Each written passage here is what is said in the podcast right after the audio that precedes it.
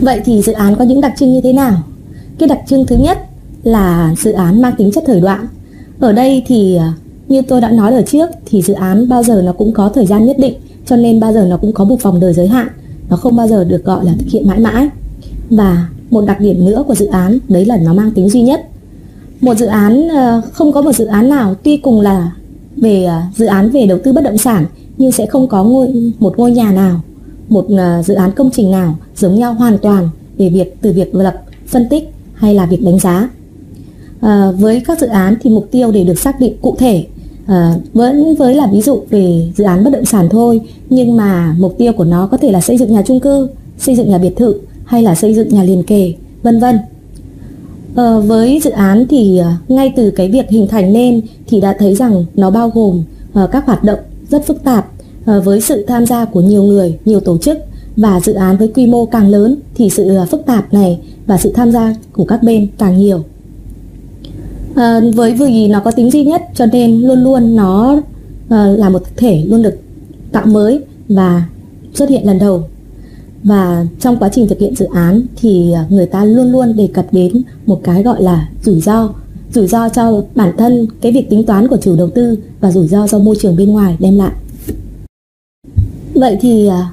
với dự án việc phân loại sẽ bao gồm như thế nào tùy theo từng tiêu chí mà người ta sẽ đưa ra theo các cách phân loại khác nhau ở đây tôi sẽ giới thiệu cho các bạn cái cách à, cách phân loại chính của dự án đầu tư. Cái việc đầu tiên đấy là phân loại theo quy mô mà chúng ta thường hay nói rằng lớn vừa và nhỏ. Nhưng với à, Việt Nam thì quy định mức lớn vừa và nhỏ chính là theo mức A, B và C. Những dự án A là những dự án thuộc nhóm uh, lớn, quan trọng và nó uh, có thể quy định theo là lao động, theo là tính chất hay là uh, theo uh, mức độ uh, ảnh hưởng đến nền kinh tế và xã hội. Và quy mô càng lớn thì mức độ quản lý càng phức tạp và đòi hỏi những công cụ để quản lý ở đây càng nhiều và càng phải tiên tiến. À, phân loại theo mục đích và tính chất đầu tư thì ở đây phân loại theo mục đích và tính chất đầu tư thì thường thông thường người ta sẽ chia ra làm bốn loại: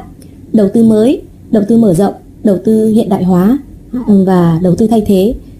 đầu tư mới, đầu tư mở rộng, đầu tư à, thay thế hay hiện đại hóa thì à, cách phân loại này nhìn chung nó chỉ mang tính chất tương đối. À, có thể nó vừa mang tính chất đầu tư mới nhưng mà cũng vừa mang tính chất là đầu tư hiện đại hóa và à, tương tự như với đầu tư mở rộng và đầu tư thay thế.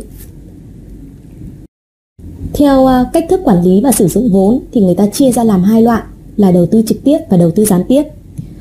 Ờ, đầu tư trực tiếp thì chủ đầu tư ờ, tự bỏ vốn tự quản lý và à, tự hưởng thụ những sản phẩm mà mình đạt ra à, mình à, làm ra. Còn đầu tư gián tiếp thì đòi hỏi có nhiều bên liên quan và cách quản lý về cách quản lý và phối hợp để thực hiện. Cực kỳ cần được lưu ý theo nguồn vốn ờ, đầu tư thì người ta sẽ chia ra đầu tư với đầu tư trong nước và đầu tư nước ngoài. Đầu tư trong nước thì có thể uh, lấy vốn của ngân sách. Ngân sách ở đây là ngân sách nhà nước của các công ty cổ phần do các thành viên hay là công ty trách nhiệm hữu hạn do các thành viên tự đóng góp. Và công ty tư nhân do một cá nhân làm ừ, chủ thì do tự chủ cá nhân làm ra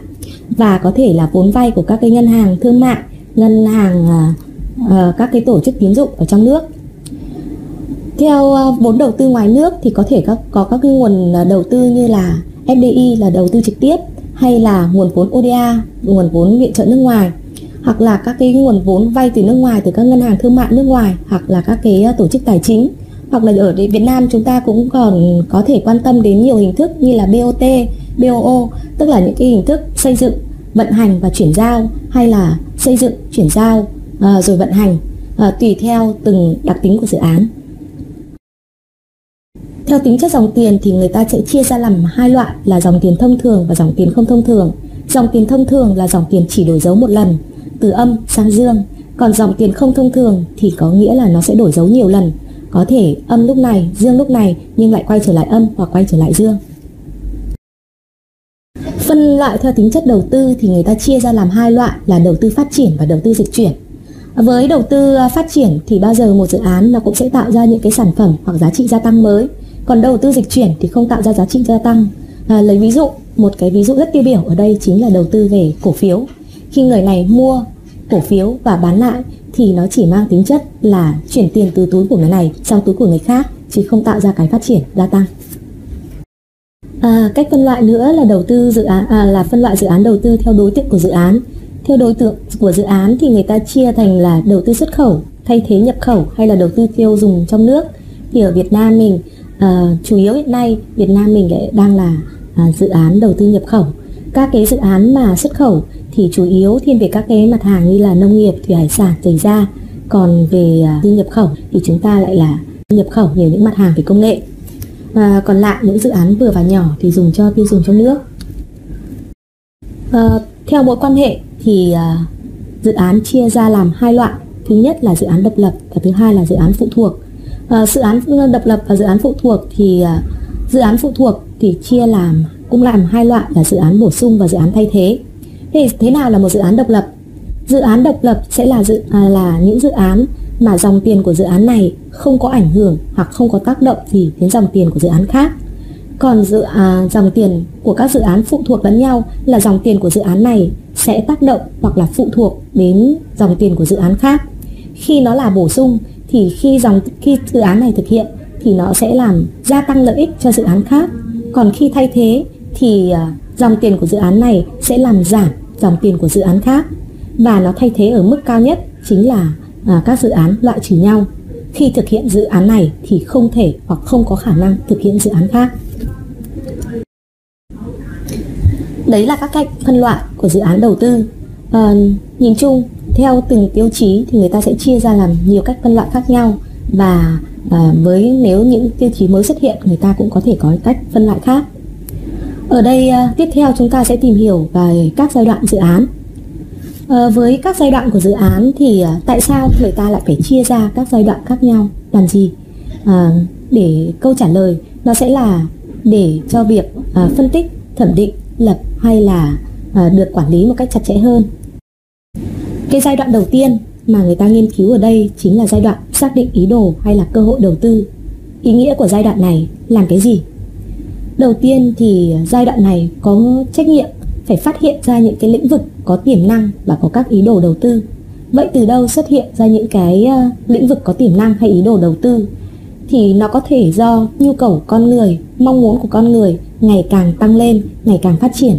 Thì ờ, ờ, với khả năng hiện có thì con người chưa có khả năng đáp ứng được, cho nên nó xuất hiện những nhu cầu và mong muốn. Và cái thứ hai là với nền kinh tế thì à, các cái chính phủ, nhà nước sẽ đưa ra những chiến lược phát triển kinh tế cho từng vùng, cho quốc gia hay cho từng khu vực. Và à, dựa trên những chiến lược phát triển kinh tế đấy, hiện trạng là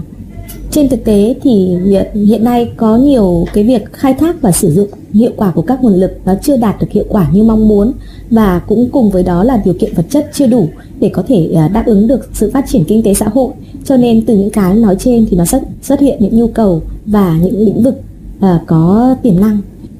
Tuy nhiên thì từ những cái lĩnh vực tiềm năng hay nhu cầu đấy thì người ta ở giai đoạn này người ta sẽ phải có nhiệm vụ là phải lựa chọn được một ý đồ đầu tư có tiềm năng nhất. Ý đồ đầu tư có tiềm năng nhất, tại sao lại phải làm như vậy? Vì à, cùng là nhu cầu thiếu nhà ở thôi nhưng người ta sẽ xuất hiện à, những cái ý tưởng khác nhau như xây nhà chung cư, xây nhà biệt thự hay là à, xây nhà liền kề. À, xây dựng nhà chung cư thì à, diện tích có thể tiết kiệm hơn à, có nhiều người có khả năng mua hơn tuy nhiên thì à, lợi nhuận trên mỗi sản phẩm làm ra chưa chắc đã nhiều được bằng nhà biệt thự vậy thì chúng ta sẽ phải căn cứ vào nhu cầu để lựa chọn ra ý đồ đầu tư có tiềm năng nhất. Giai đoạn thứ hai là giai đoạn phân tích và lập dự án. Ờ, với giai đoạn này là một giai đoạn cực kỳ quan trọng để chi tiết những cái ý tưởng đầu tư đã được đề xuất trên mọi phương diện ờ, tổ chức kinh tế tài chính kỹ thuật và môi trường. Và giai đoạn này chính là người ta sẽ phải làm à, hai cái báo cáo nghiên cứu nghiên cứu tiền khả thi và nghiên cứu khả thi. Ờ, với những dự án có quy mô nhỏ thì có thể bỏ qua bước nghiên cứu tiền khả thi. Tuy nhiên những dự án lớn quan trọng bao giờ bao gồm cũng cả hai phương uh, hai bước này. Nội dung nghiên cứu khả thi và tiền khả thi thì sẽ phải tính đến các cái tình hình kinh tế tổng quát uh, nghiên cứu thị trường kỹ thuật tài chính uh, tổ chức quản lý xã hội cũng như là nghiên cứu về kinh tế xã hội. Ở đây thì uh, đây là giai đoạn mà chủ đầu tư có thể thuê uh, các cái bên tư vấn hoặc tự mình làm những cái phần nghiên cứu này vì à, đây là một phần tính toán càng kỹ càng à, càng cẩn thận thì sẽ giúp cho các cái giai đoạn về sau thực hiện được hiệu quả hơn. Và sau khi kết thúc giai đoạn nghiên cứu khả thi thì chúng ta sẽ sang giai đoạn tiếp theo đấy là giai đoạn phê duyệt và thẩm định dự án. Nếu như ở hai giai đoạn trên thì chỉ có sự tham gia của chủ đầu tư với việc uh, tính toán và uh, nghiên cứu thì giai đoạn này sẽ có thêm rất nhiều đối tượng tham gia vào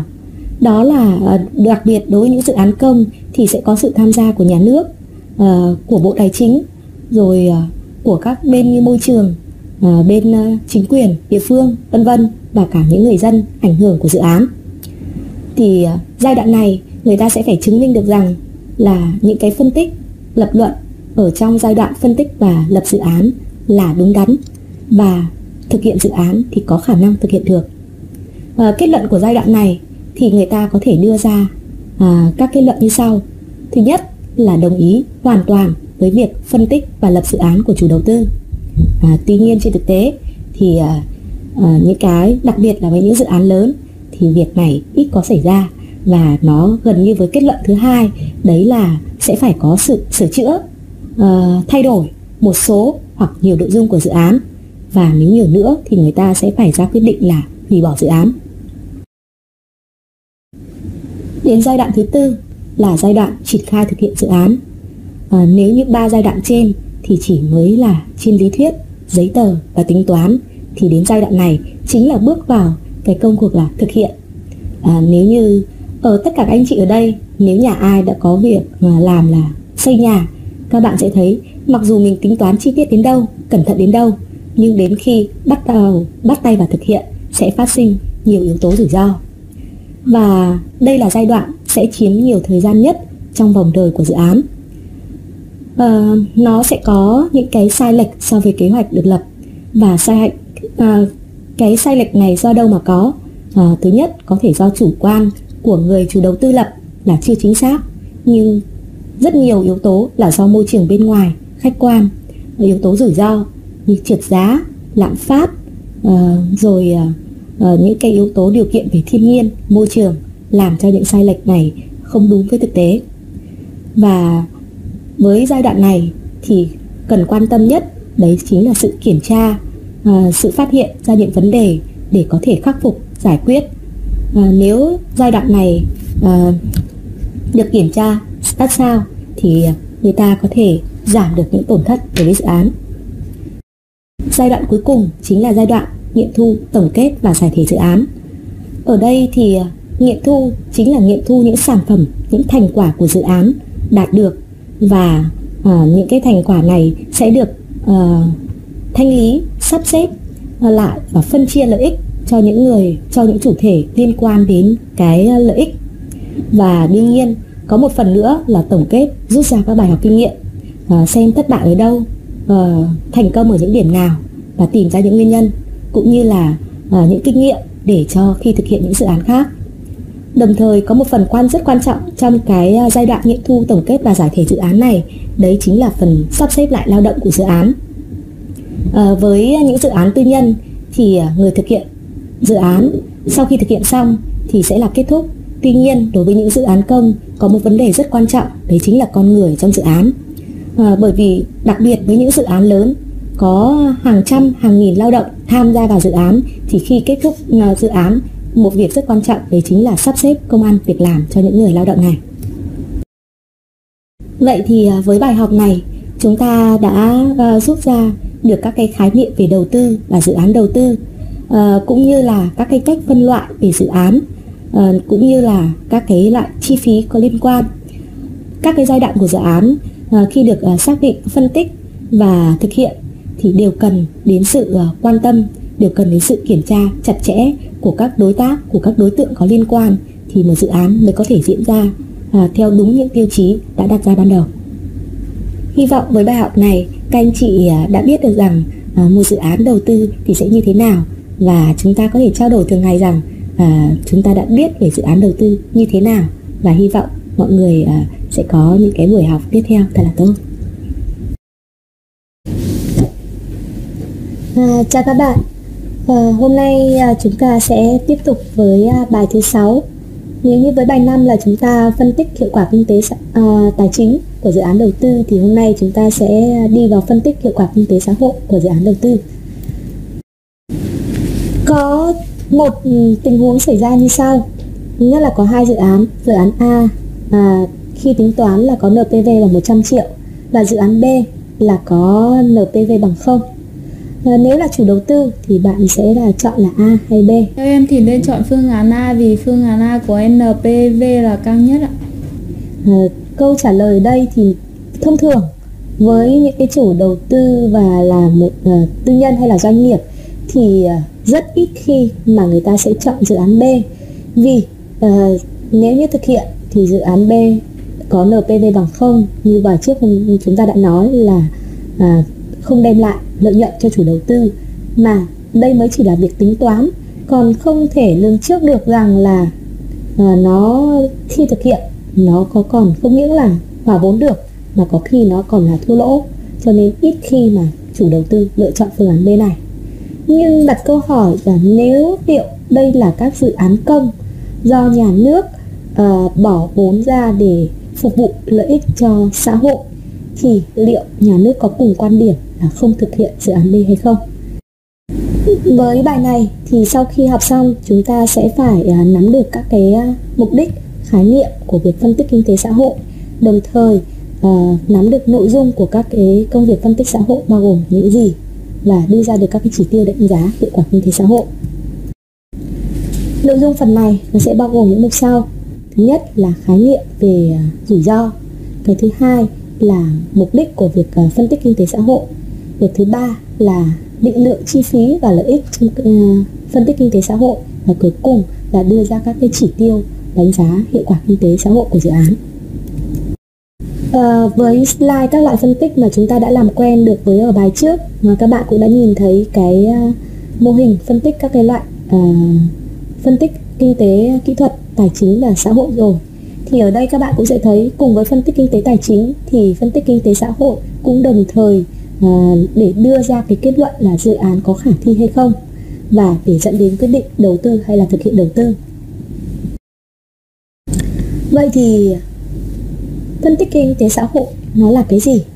Ở đây phân tích kinh tế xã hội chính là việc uh, xem xét các cái à, hoặc là đánh giá chi phí hoặc là lợi ích mà dự án đem lại cho toàn bộ nền kinh tế hay là việc đánh giá hiệu quả dự án trên quan bộ điểm là xã hội.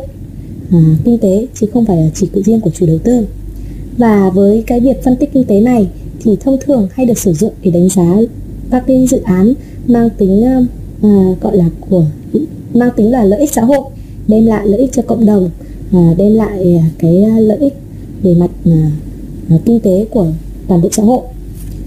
Và các cái dự án này thì thông thường là hay do nhà nước làm chủ đầu tư hoặc là các nước ngoài có viện trợ vân vân. Vậy mục đích phân tích kinh tế xã hội để làm cái gì? Thì việc đầu tiên phân tích kinh tế xã hội thì nó sẽ uh, xác định được cái vị trí vai trò của dự án trong sự phát triển kinh tế xã hội chung của đất nước. Uh, vai trò này uh, giống ví dụ như là các cái dự án về nhà máy thủy điện hay là nhiệt điện thì nó góp phần tạo ra cái gọi là uh, phục vụ cho toàn bộ ngành sản xuất. Và thứ hai là mức độ phù hợp của dự án đối với phát triển chung vì à, bao giờ nền kinh tế nó người ta cũng đặt ra những cái chiến lược phát triển nhất định thì cái dự án đấy có phù hợp với cái các cái chiến lược phát triển hay không và cái thứ ba là các cái đóng góp cụ thể của dự án à, với nền kinh tế ví dụ như là thuế vào ngân sách hay là à, tạo ra các cái giá trị à, gia tăng GDP.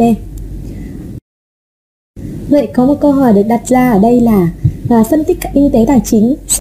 với à, về quan điểm mục đích thì à, phân tích tài chính sẽ đứng trên góc độ của chủ đầu tư, còn phân tích xã hội thì đứng trên lợi ích của à, toàn bộ nền kinh tế ừ, cũng như là của xã hội. Thế thì về mục tiêu ấy, phân tích tài chính thì thông thường mục tiêu là tối đa hóa lợi nhuận, và cũng giống như doanh nghiệp luôn luôn đặt mục tiêu là tối đa hóa lợi nhuận, và thông thường thì sẽ kết hợp với cái gọi là an toàn kinh doanh, và vừa hiệu quả mà vừa an toàn.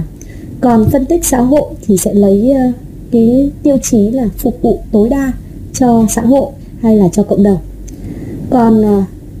về dưới góc độ vi mô hay vĩ mô thì phân tích tài chính thì chỉ đứng dưới ờ, góc độ rất nhỏ của một chủ đầu tư mang lại lợi ích cho bản thân mình thôi. Còn phân tích tạ, ờ, xã hội sẽ đứng trên góc độ vĩ mô tức là góc độ uh, tổng quát nhìn chung cho cả nền kinh tế.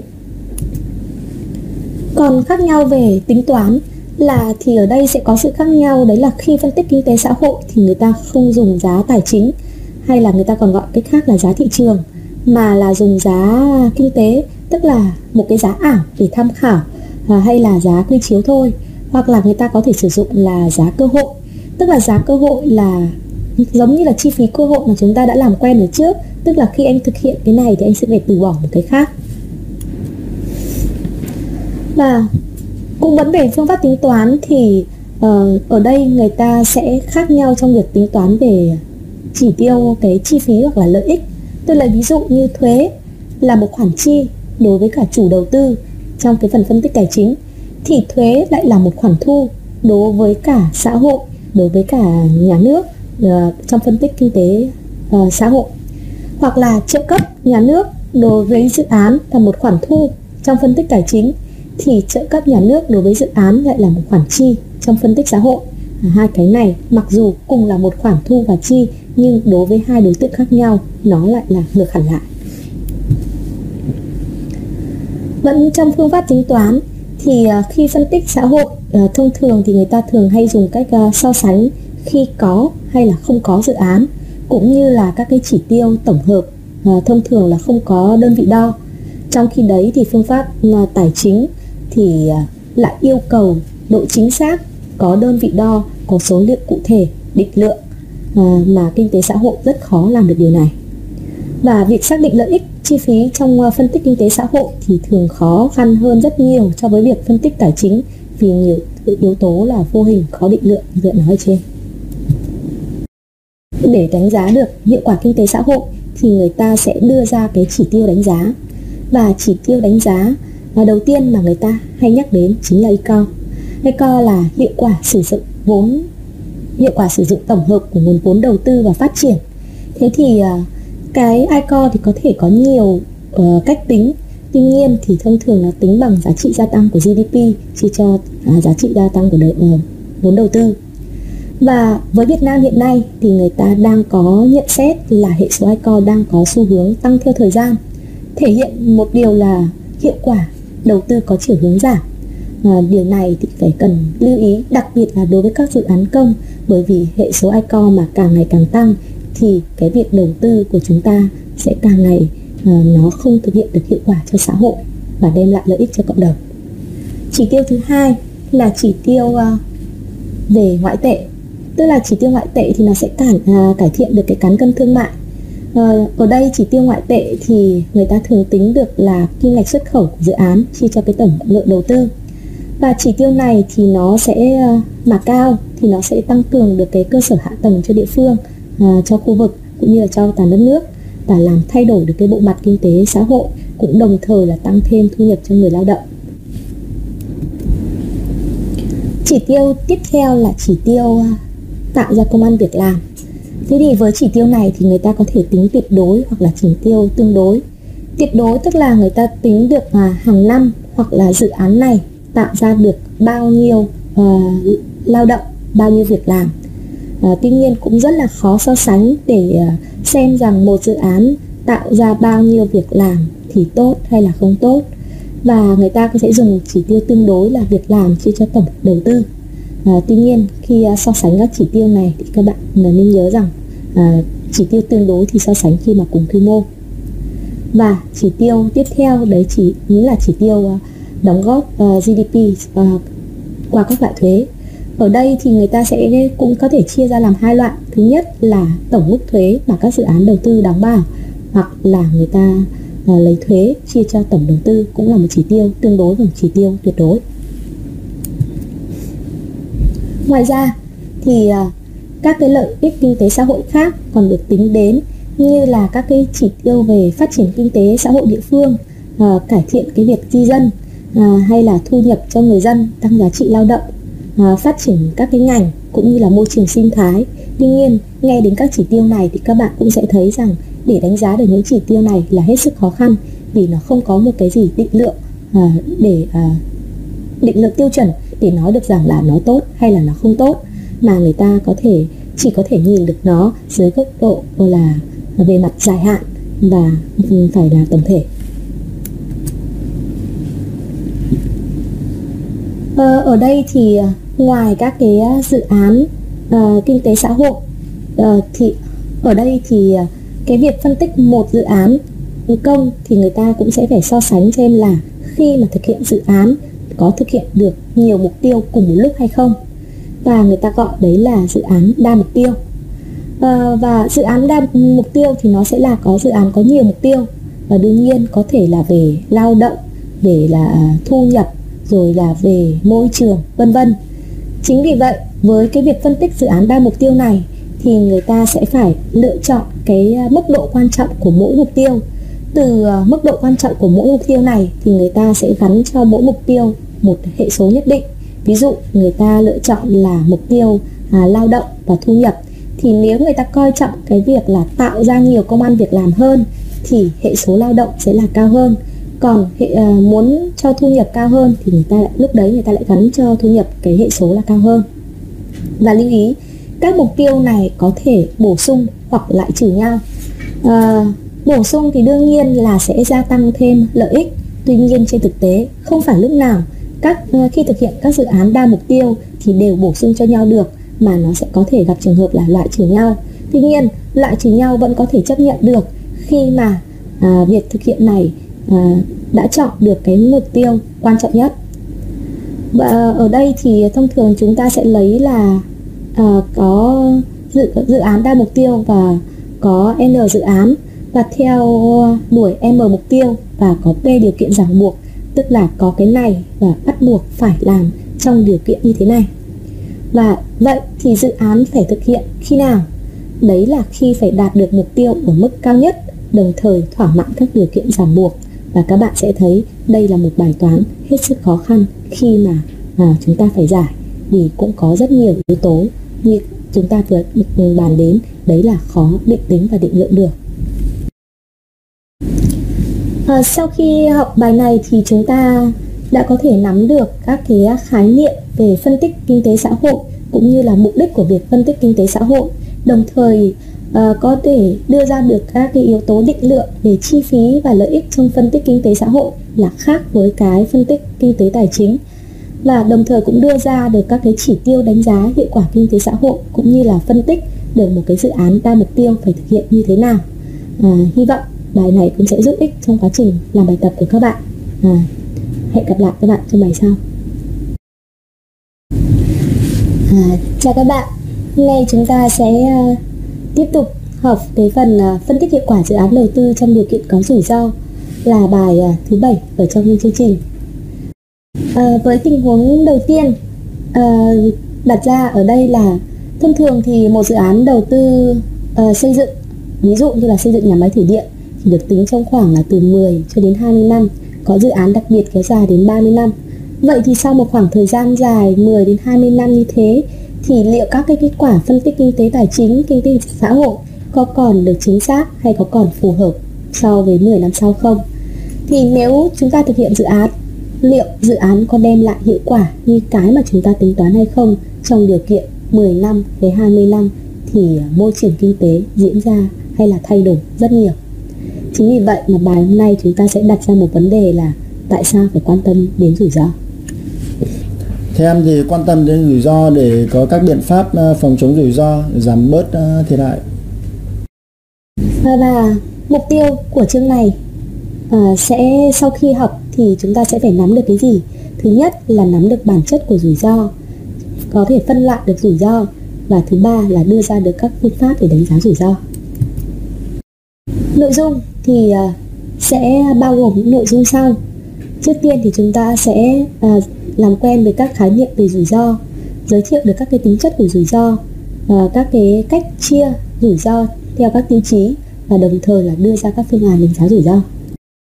Vậy thì rủi ro sẽ là cái gì? Ở đây thì thông thường chúng ta sẽ hiểu là khi thành công thì sẽ có lợi nhuận, còn khi thất bại thì sẽ là thua lỗ Vậy à, thất bại là do những yếu tố nào? Có phải do rủi ro hay không? Và bất định có nghĩa là gì? Bất định ở đây là những cái yếu tố thay đổi. Uh, bất định uh, là những yếu tố thay đổi hay là không thay đổi. Trong cái điều kiện bất định ở đây thì với cái vốn đầu tư thì nó lớn và thời gian thì kéo dài cho nên mức độ rủi ro nó sẽ càng lớn. Vậy rủi ro có những tính chất gì? Đầu tiên thì rủi ro đương nhiên là sự kiện ngoài mong đợi. Không ai mong muốn cái rủi ro đến cả Và nó là cái sự cố gây ra tổn thất cho với uh, mỗi chủ đầu tư Đối với mỗi uh, dự án và đối với cả uh, nền kinh tế nữa. Uh, Bình thường với mọi người thì nói rằng gặp rủi ro thì với mỗi cá nhân cũng là gây ra sự tổn thất Cho nên rủi ro luôn luôn gắn liền với tổn thất và người ta cũng có thể chia ra theo kiểu là nội hàm rủi ro hay là ngoại diện rủi ro. Nội hàm rủi ro thì là những cái thuộc tính chung của rủi ro là bao gồm như là sự khách quan này, tính xuất hiện bất ngờ này và gây ra tổn thất. Còn ngoại diện rủi ro thì bao gồm toàn bộ các sự kiện cụ thể hay là trừu tượng để phản ánh về nó, như là được hiểu như là rủi ro về à, do hỏa hoạn này, do tai nạn giao thông, do động đất, núi lửa, sóng thần, vân vân. Phân loại thì người ta sẽ phân loại uh, rủi ro như thế nào? Rủi ro ở đây người ta có thể phân loại uh, do yếu tố kinh tế. Yếu tố kinh tế thì nó có thể do biến động của thị trường. À, biến động của thị trường ở đây thì có thể là do biến động về à, giá biến động về nhu cầu uh, biến động về cái gọi là nguồn cung cấp. Còn biến động thứ hai đấy chính là biến động về cạnh tranh. À, nhiều càng nhiều, nhiều càng nhiều đối thủ cạnh tranh thì cái rủi ro này càng lớn tiếp theo sẽ là rủi ro về mặt à, kinh tế xã hội. À, rủi ro về mặt kinh tế xã hội thì nó sẽ bao gồm những cái gì? Nó có thể đến là do cái ờ, sự thay đổi của môi trường sống à, sự à, thay đổi của cái gọi là tập tục văn hóa vân vân. Tiếp theo nữa là rủi ro tài chính. Rủi ro tài chính ở đây thì thường gặp nhất chính là thâm hụt về mặt ngân sách đối với các cái chính phủ nhà nước. Cái thứ hai là thay đổi về mặt lãi suất. À, trong thời gian vừa qua thì các bạn sẽ thấy rằng là lãi suất là một vấn đề mà rất nhiều dự án đầu tư à, phải đau đầu đối phó vì lãi suất càng ngày càng tăng cao cho nên à, các cái chủ đầu tư khó mà vay vốn để thực hiện dự án. Và thứ ba đấy chính là các chính sách thuế.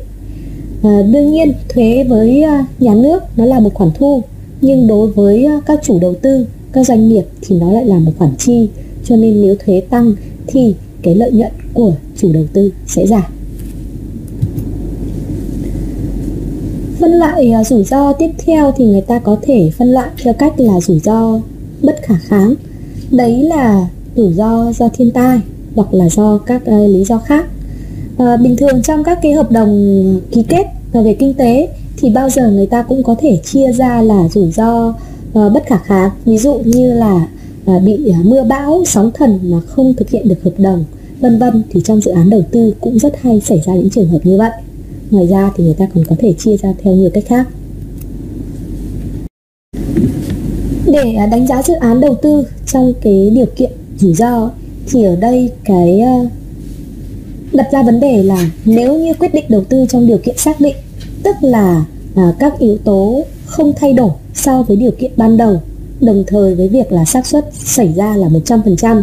thì sẽ rất dễ dàng quyết định đầu tư bằng các việc tính toán các cái chỉ tiêu hiệu quả như là các cái bài học trước mà chúng ta đã à, thực hiện. Tuy nhiên nếu như quyết định đầu tư trong điều kiện có rủi ro thì dẫn đến việc gì? Là mỗi kết quả sẽ có một xác suất xảy ra khác nhau tức là chúng ta không thể lường trước được nó diễn biến đúng 100% hay là chỉ được 50% thôi và có khi còn thấp hơn nữa? Và tập hợp các kết quả à, rủi ro khác nhau này thì nó sẽ tạo thành một cái phân bố xác suất mà người ta gọi là à,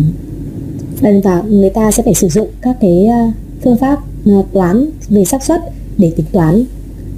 À, một điều nữa xảy ra mà chúng ta phải tính đến đấy là nếu như chúng ta không biết phân bố à, xác suất của các chỉ tiêu thì việc tính toán và lựa chọn sẽ xảy ra như thế nào Thế thì ở đây ờ, để ờ, đánh giá được các cái dự án đầu tư trong điều kiện rủi ro thì người ta thường đưa ra những cái phương pháp sau. Thứ nhất là phương pháp gần đúng, thứ hai là phương pháp điều chỉnh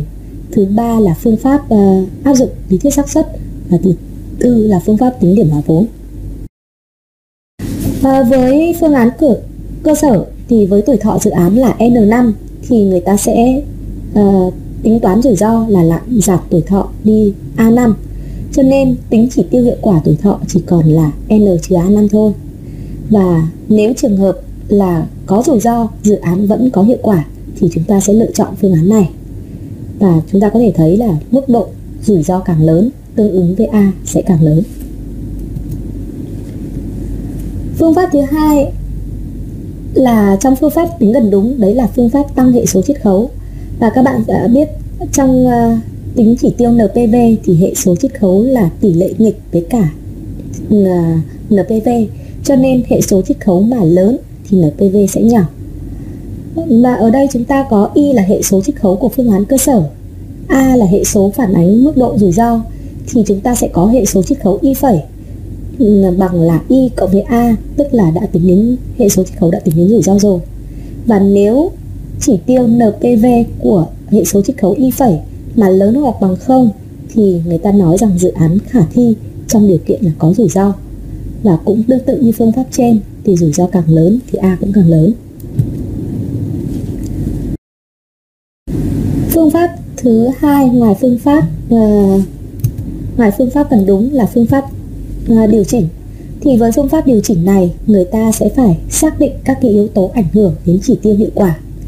À, và lựa chọn các chỉ tiêu hiệu quả để tính như là NPV, IRR rồi à, chọn nhìn biến thiên và các bước biến thiên của các yếu tố ảnh hưởng đồng thời xác định ảnh hưởng bất lợi của từng yếu tố đến chỉ tiêu hiệu quả. À, với phương pháp điều chỉnh này thì chúng ta có cái ví dụ sau. Với phương án cơ sở vẫn có thuế suất là 30% và có đề bài như là trong slide các bạn à, sẽ thấy. Ờ, doanh thu hàng năm là 16.000 chi phí hàng năm là 12.000 trong đó thì có chi phí tiền lương là 8.000 và chi phí nguyên vật liệu là 4.000 thì chúng ta sẽ có CFBT hàng năm là từ năm 1 đến năm thứ năm là 4.000 và khấu hao, ở đây là theo phương pháp khấu hao đều, là 2.000 mỗi năm. Tương tự như vậy với thuế suất là 30% thì chúng ta sẽ có hàng năm phải nộp thuế là 600 và CFBT uh, sẽ là 3.400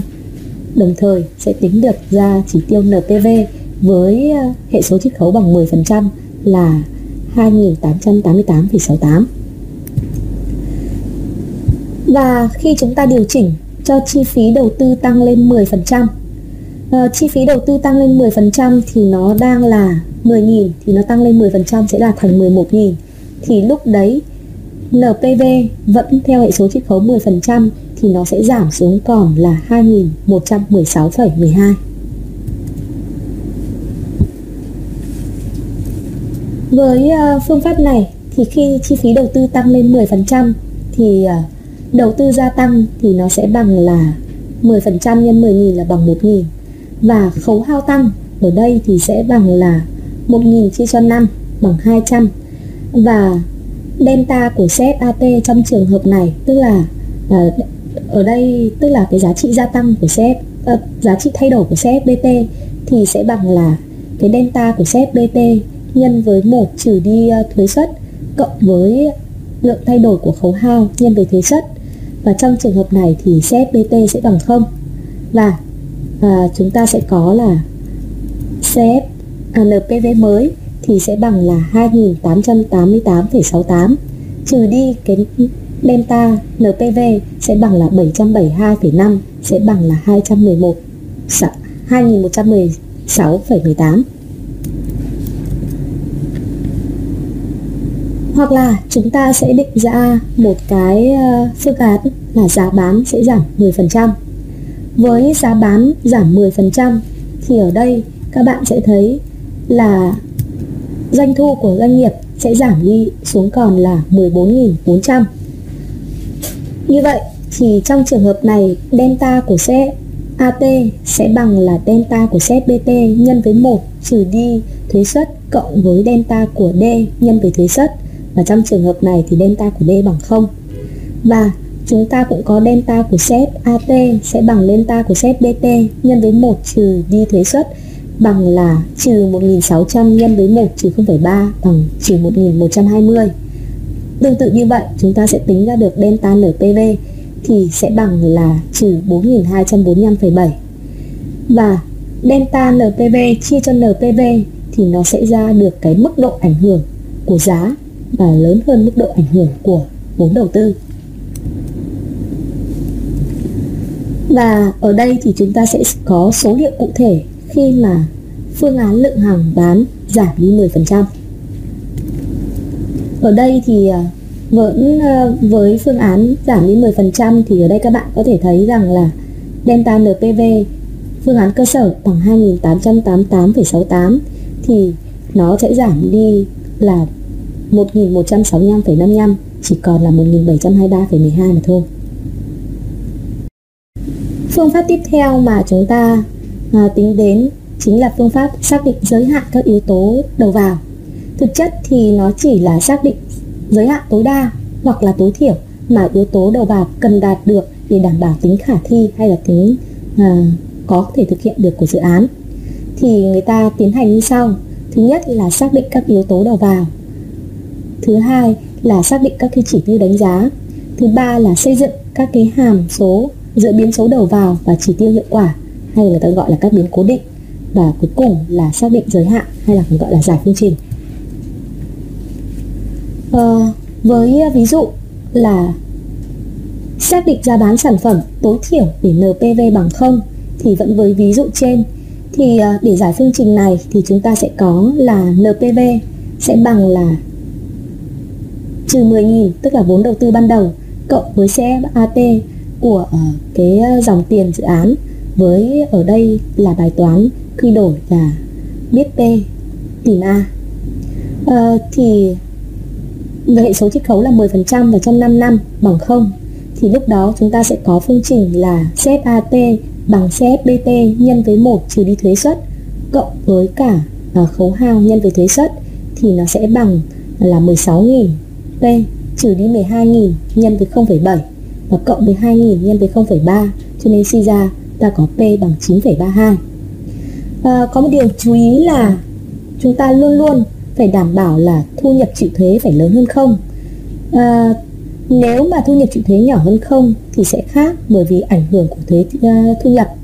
Có nghĩa là à, uh, 16.000 P trừ đi 12.000 luôn lớn hơn 2.000 hay là P luôn luôn có điều kiện là phải lớn hơn 8,75 Tương tự như vậy thì chúng ta sẽ có các cái ví dụ như là xác định lượng bán để cho NPV bằng 0 hay là xác định vốn đầu tư tối đa để cho NPV bằng không thì à, cái phần này các bạn sẽ phải à, làm bài tập ở nhà. Với à, nhận xét về cái phương pháp xác định giới hạn các yếu tố đầu vào thì phương pháp này tương đối là đơn giản và dễ tính đặc biệt là nếu chúng ta sử dụng thành thạo về các cái Excel hay là hiện nay đang có những cái phần mềm à, rất thông dụng Microsoft à, uh, Object thì Ờ, người ta sẽ tính toán được một cách rất là đơn giản. Tuy nhiên thì ờ, cái phương pháp này thì chỉ cho biết giới hạn của các yếu tố nguồn lực sử dụng cho dự án thôi. Chứ còn ờ, nếu các yếu tố này cùng xảy ra một lúc thì chúng ta khó đánh giá được sự thay đổi như thế nào. Phương pháp tiếp theo mà chúng ta xác định đấy chính là phương pháp phân tích điểm hòa vốn. Thế nào là hòa vốn? Hòa vốn chính là cái điểm mà tổng doanh thu sẽ bằng được uh, tổng chi phí hay nói cách khác ngắn gọn là thu thì sẽ bằng với chi. Thì ở đây chúng ta sẽ đưa ra được một cái phương trình. À, trong đó thì à, uh, Q sao tức là điểm hòa vốn sẽ bằng là FC chia cho P trừ đi AVC. Điều này chỉ đúng khi coi giá P là giá cố định à, theo Q nhưng thực ra thì trên thực tế giá cả thường là biến đổi và cạnh tranh thì gay gắt cho nên đồ thị điểm hòa vốn là nó kết hợp của hai đường phi tuyến ở đây nhìn trên uh, slide thì chúng ta có thể, eh, có thể thấy điểm hòa vốn là sẽ điểm giao giữa đường của tổng chi phí và tổng doanh thu. Với phương pháp phân tích điểm hòa vốn này thì nó chỉ phù hợp với các cái dự án nhỏ không ảnh hưởng nhiều của giá thị trường như đầu ra à, tức là các cái giá bán hay là sản lượng cạnh tranh. Và khi uh, xét sự biến đổi thì mức độ cạnh tranh đồ thị điểm hòa vốn là hai đường phi tuyến ở đây chính là các cái đường thẳng. Và MC tăng khi Q do đó đường ờ, TC có tốc độ dốc ngày càng tăng. Và MR giảm khi mà Q tăng cho nên là tổng doanh thu lại có độ dốc ngày càng giảm. À, đồ thị thì sẽ xác định được à, điểm hòa vốn. À, và điểm hòa vốn ở đây là nó sẽ giữa hai điểm mà giữa hai điểm Q1 và Q2 thì à, giữa hai điểm này thì người ta gọi là miền lãi. Miền ngoài hai điểm thì sẽ là không có lãi. Và giá trị Q sao nằm giữa Q1 và Q2 làm cho lãi đạt mắt hay là lãi đạt và lớn nhất? Cho nên người ta có thể xác định được Q sao như sau. Người ta sẽ phải xác định được cái hàm lợi nhuận F theo Q thì sẽ bằng là tổng doanh thu mà trừ đi tổng chi phí. Sau đó uh, xác định F theo quy sang và với F theo quy quy bằng 0 thì ta sẽ có quy sang. Với ví dụ thì ví dụ đầu tiên thì chúng ta sẽ có là um, một bài toán là doanh nghiệp X thì sẽ sử dụng 80% khả năng để sản xuất mỗi tháng 14.000 sản phẩm. Do nhu cầu giảm à, mỗi tháng thì chỉ còn sản xuất 8.000 sản phẩm thôi thì hãy xác định nếu là với sản lượng được 8.000 sản phẩm thì doanh nghiệp có lãi hay không và thứ hai là tính biến phí cho mỗi sản phẩm. AFC để đạt được hiểm hòa vốn ở mức 8.000 đồng một sản phẩm một tháng. Biết uh, cứ coi doanh thu uh, uh, doanh thu đơn vị và định phí là cố định. Uh, và ở đây có FC bằng 750 triệu một tháng là chi phí cố định là 750 triệu một tháng. À, chi phí biến đổi là bằng 25.000 một sản phẩm và với giá bán là P bằng 80.000 đồng một sản phẩm. Thì à, với ví dụ này thì chúng ta sẽ có được là tổng chi phí thì sẽ bằng là chi phí cố định cộng với cả chi phí biến đổi và nhân với sản lượng. À, trong khi đó thì tổng doanh thu nó sẽ bằng là sản lượng mà nhân với đơn giá. Cho nên ta sẽ có quy sao thì sẽ bằng là 250 triệu. À, chia cho 80.000 trừ 25.000 thì sẽ bằng là 16.363 sản phẩm một tháng. Và lợi nhuận tại sản lượng 8.000 ở đây chính là lợi nhuận sẽ bằng là tổng doanh thu mà trừ đi tổng chi phí thì sẽ bằng là 80.000 nhân với 8.000 trừ đi 25.000 nhân 8.000 trừ đi ờ, uh, 750 triệu thì sẽ bằng là âm 310 triệu có nghĩa là dự án nếu như thực hiện cái việc sản xuất ở giá 8.000 thì uh, dự án sẽ thua lỗ. Còn một phương pháp nữa mà chúng ta đề cập đến chính là phương pháp uh, xác suất hay là dùng lý thuyết xác suất để xác định. Thì đầu tiên người ta sẽ phải xác định kỳ vọng hay là chỉ tiêu hiệu quả và mong muốn rằng cái các cái chỉ tiêu hiệu quả này sẽ đạt được kỳ vọng lớn nhất, mắc. Sau đó thì người ta cũng sẽ xác định được cái độ lệch chuẩn của các cái chỉ tiêu hiệu quả theo bài toán sách trước và cái ờ, độ lệch này thì phải là với điều kiện là tối thiểu tức là min và người ta sẽ xác định cái hệ số rủi ro trên mỗi đơn vị à, càng nhỏ thì càng tốt với cái phương pháp sản xuất này thì người ta áp dụng nhiều nhất chính là cái phép mô phỏng mô tô các lô. với phương pháp mô phỏng mô tô các lô thì có đặc điểm là xác định phân bố xác suất của NPV và giá trị kỳ vọng NPV thông qua đó có thể xác định được các chỉ tiêu khác như là à, uh, IRR, uh, à, B trên C hay thời gian hoàn vốn vân vân. Và trình tự thực hiện như sau. Đầu tiên thì người ta sẽ à, xác định phân bố xác suất của các yếu tố bất định quan trọng. Và cái việc phân bố xác định phân bố xác suất này thì thông thường thường hay dựa theo cái gọi là kinh nghiệm chuyên gia hoặc là các cái ờ, thống kê uh, thống kê mà đã có uh, từ các cái số liệu ừ, thu thập được. Và sau đó sẽ xác định được quan hệ tương quan giữa các yếu tố tức là yếu tố này ảnh hưởng đến yếu tố khác như thế nào. Sau đó thì sẽ tính NPV kỳ vọng và phân phối xác suất của NPV với à, phương pháp uh, mô phỏng Monte Carlo này thì hiện nay cũng đã có rất nhiều phần mềm sử dụng cái phương pháp mô phỏng này và để tính toán rủi ro cho dự án và rất hữu dụng. Ví dụ như là phần mềm Crystalball đang à, được sử dụng rộng rãi trên thị trường. Cái ưu điểm của Monte Carlo phương pháp mô phỏng Monte Carlo này nó sẽ khắc phục được nhược điểm của phương pháp phân tích độ nhạy. Đó là à, nếu phương pháp độ nhạy thì chỉ tính được sự thay đổi của từng yếu tố một trong điều kiện môi trường à, bất định. Tuy nhiên nó không thay đổi được nó không tính toán được à, khi mà các yếu tố cùng thay đổi thì sẽ xảy ra như thế nào. À, phương pháp này thì người ta tính toán được tổng hợp là khi các yếu tố cùng thay đổi một lúc thì dự án khi thực hiện liệu có còn là à, hiệu quả hay không. Tuy nhiên thì có nhược điểm của nó là nó đòi hỏi khá nhiều thông tin hơn việc phân tích độ nhạy và như tôi đã nói là phải có cái sự đánh giá của các chuyên gia hay là yêu cầu về kinh nghiệm hay là số liệu về thống kê để đưa ra các cái mô hình phân phối xác suất à, sao cho phù hợp. Vì với phương pháp này nếu chúng ta không lựa chọn được các cái mô hình à, phân bố xác suất à, đúng thì sẽ dẫn đến các cái quả sai lầm. Đấy là các cái à, phương pháp để à, tính toán rủi ro ở trong dự án đầu tư. Và ở đây với bài này thì à, cũng đã hướng dẫn các bạn các cái khái niệm rủi ro và bất định nhất định. À, cũng như đưa ra được các cái tính chất hay là phân loại rủi ro tùy theo các cái yêu cầu cụ thể và giới thiệu các cái phương pháp để đánh giá rủi ro như phương pháp cần đúng phương pháp điều chỉnh uh, phương pháp uh, áp dụng lý thuyết xác suất hay phương pháp tính toán điểm hòa vốn. Và đây cái việc phân tích kinh tế xã hội hay kinh tế uh, tài chính là một cái việc mà trong việc phân tích và thẩm định dự án đầu tư đều phải sử dụng và tính toán.